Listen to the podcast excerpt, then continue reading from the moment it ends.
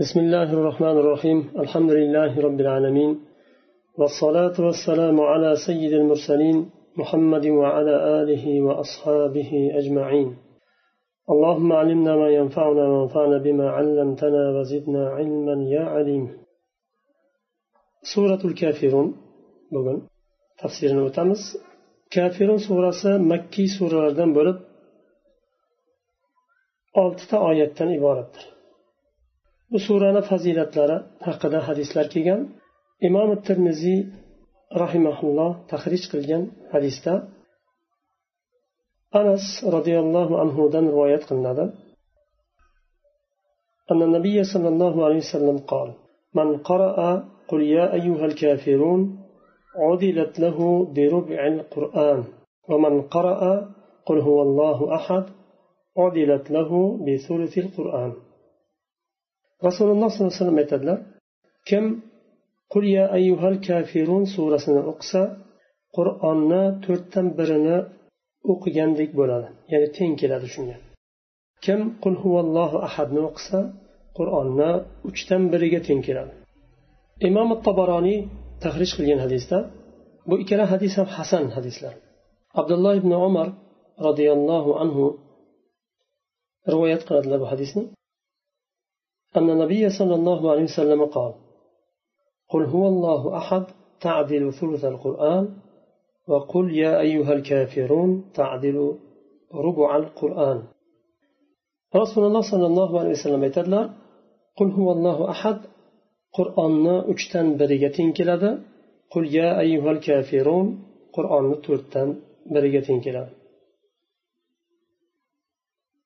إمام حاكم تخرج قليلا هذه قل يا أيها الكافرون تعدل ربع القرآن degan hadisni ham tahrij qilganlar bu hokimda kelgan qul ya ayyuhal kafirun qur'onni to'rtdan biriga teng keladi imom tabaroniy mujam sag'irda tahrij qilgan bu hadisni sahih hadis ali roziyallohu anhu rivoyat qiladilar bu hadisni لدغت النبي صلى الله عليه وسلم أقرب وهو يصلي. فلما فرغ قال لعن الله الأقرب لا تدع مصليا ولا غيره. ثم دعا بماء وملح وجعل يمسح عليها ويقرأ بقل قل يا أيها الكافرون وقل أعوذ برب الفلق وقل أعوذ برب الناس.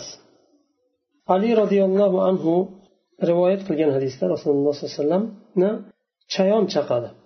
U kishi namoz o'qiyotganlarida chayon chaqadi. Namozni o'qib bo'lganlaridan keyin chayonga ollohni la'nati bo'lsin namoz o'quvchini ham qo'ymaydi boshqasini ham qo'ymaydi deydilar. Hatto namoz o'quvchini ham kelib chaqadi degan mazmunda. Va suv bilan tuz keltirishni buyuradilar. Suv bilan tuz keltiriladi rasululloh sollallohu alayhi vasallam suv bilan tuzni o'sha chayon chaqqan yeriga surtib qul ya ayyuhal kafirun va falaq nos suralarini o'qiydilar bu bir davo tibbun nabaviy imom muslim tahrij qilgan hadisda jobir roziyallohu anhudan rivoyat qilinadi hadis أن رسول الله صلى الله عليه وسلم قرأ بهذه السورة وبقل هو الله أحد في ركعتي الطواف رسول الله صلى الله عليه وسلم قل يا أيها الكافرون بلان قل هو الله أحدنا tavofdan keyin ikki rakat o'qilinadigan namoz bor shunda o'qidilar imom muslim tahrij qilgan boshqa hadisda abu hurayra roziyallohu anhu rivoyat qiladilar bu hadisni أن رسول الله صلى الله عليه وسلم قرأ بهما في ركعتي الفجر. شو إكرا سورانا؟ كافرون بلان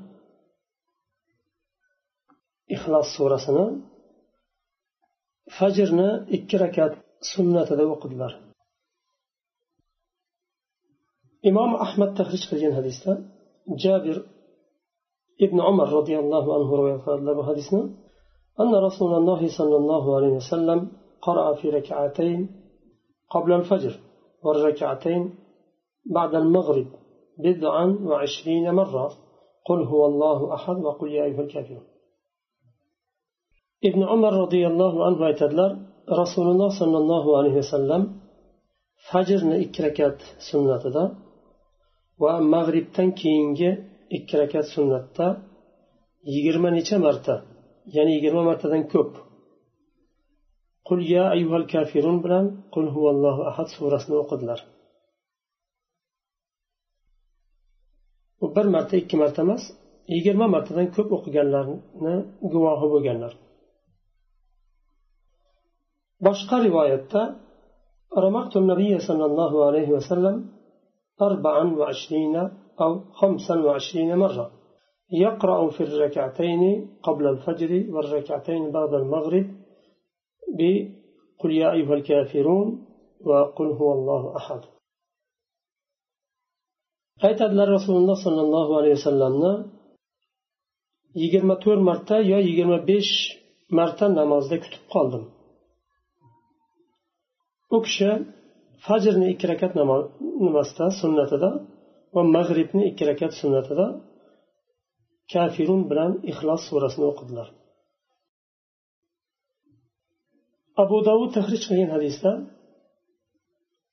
farvat ibn navfal roziyallohu anhu otalaridan rivoyat qiladilar bu hadisni أن النبي صلى الله عليه وسلم قال لنوفل اقرأ قل يا أيها الكافرون ثم نم على خاتم خاتمتها فإنها براءة من الشرك navfal roziyallohu anhuga aytdilar rasululloh alayhi vasallam yotishdan oldin qul ya ayyuhal kafirunni o'qingda o'qib bo'lgandan keyin yoting. Bu sura shirkdan baroatdir. O'rtani ochiq qilish baroat. Kechada oxirgi so'zi shirkdan baroat bo'ladi. Lakum dinukum valiyadin بسم الله الرحمن الرحيم. قل يا أيها الكافرون لا أعبد ما تعبدون ولا أنتم عابدون ما أعبد ولا أنا عابد ما عبدتم ولا أنتم عابدون ما أعبد لكم دينكم ولي دين. قل يا أيها الكافرون alloh taolo rasuliga aytyapti ayting ey muhammad alayhissalom ey kofirlar deng. La a'budu ma ta'budun. Sizlar ibodat qilayotgan narsaga men ibodat qilmayman. Ibn abbos roziyallohu anhu rivoyat qilgan hadisda quraysh rasululloh sollallohu alayhi vasallamni bu da'vatdan to'xtatish uchun ko'p mol va'da qiladi. Agar siz shu da'vatdan to'xtasangiz biz sizga juda ko'p mol beramiz. Istaganingizni qilamiz. Istagan va bizni kattamiz bo'lasiz podshoh bo'lasiz degan mazmunda rasululloh alayhivasallamga juda ham ko'p narsalar va'da qilishadi. Makkani eng boy odami bo'lasiz deydi. Istagan ayolingizga uylantiramiz deydi. Buni rasululloh alayhi vasallam rad qiladilar. Va ular aytadiki bizni olihalarimizni so'kishdan to'xta hech bo'lmasa bizni olihalarimizni so'kishdan to'xtang va yomon so'zlar bilan bizni olihalarimizni zikr qilmang. Va bir yil bizni olihalarimizga ibodat qilaylik. Boshqa bir yana ikkinchi yilda sizni ilohingizga ibodat qilaylik deydi. Bu ya'ni o'rtada bir ittifoq qilish.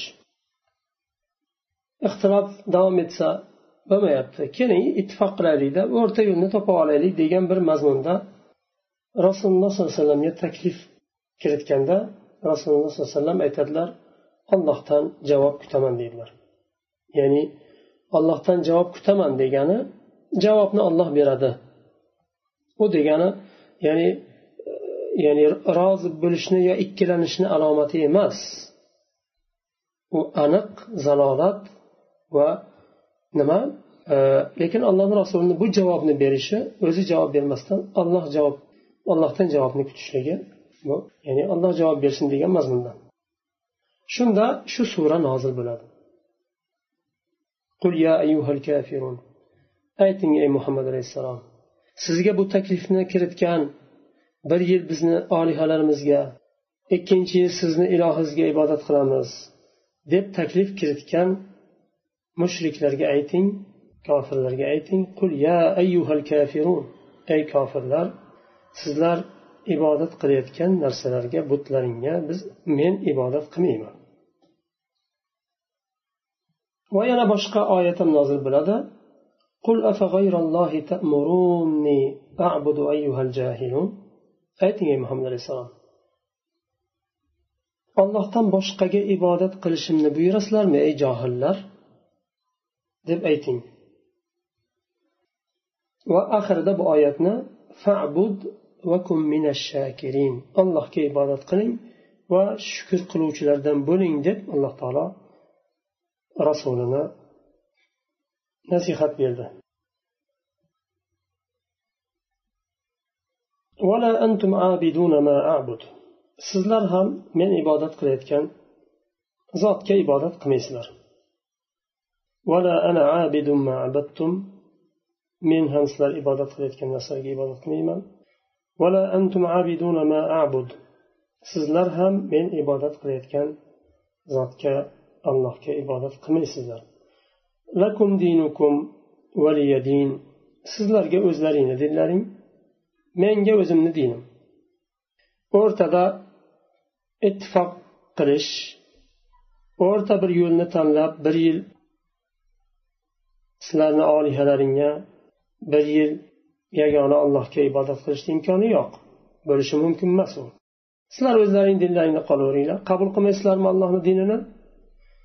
Allohga ibodat qilmasdan o'sha olihalaringni afzal ko'rdinglaringmi qolaveringlar o'zlaring dinlaringda sizlarga o'zlaring dinlaring menga o'zimni dinim dedilar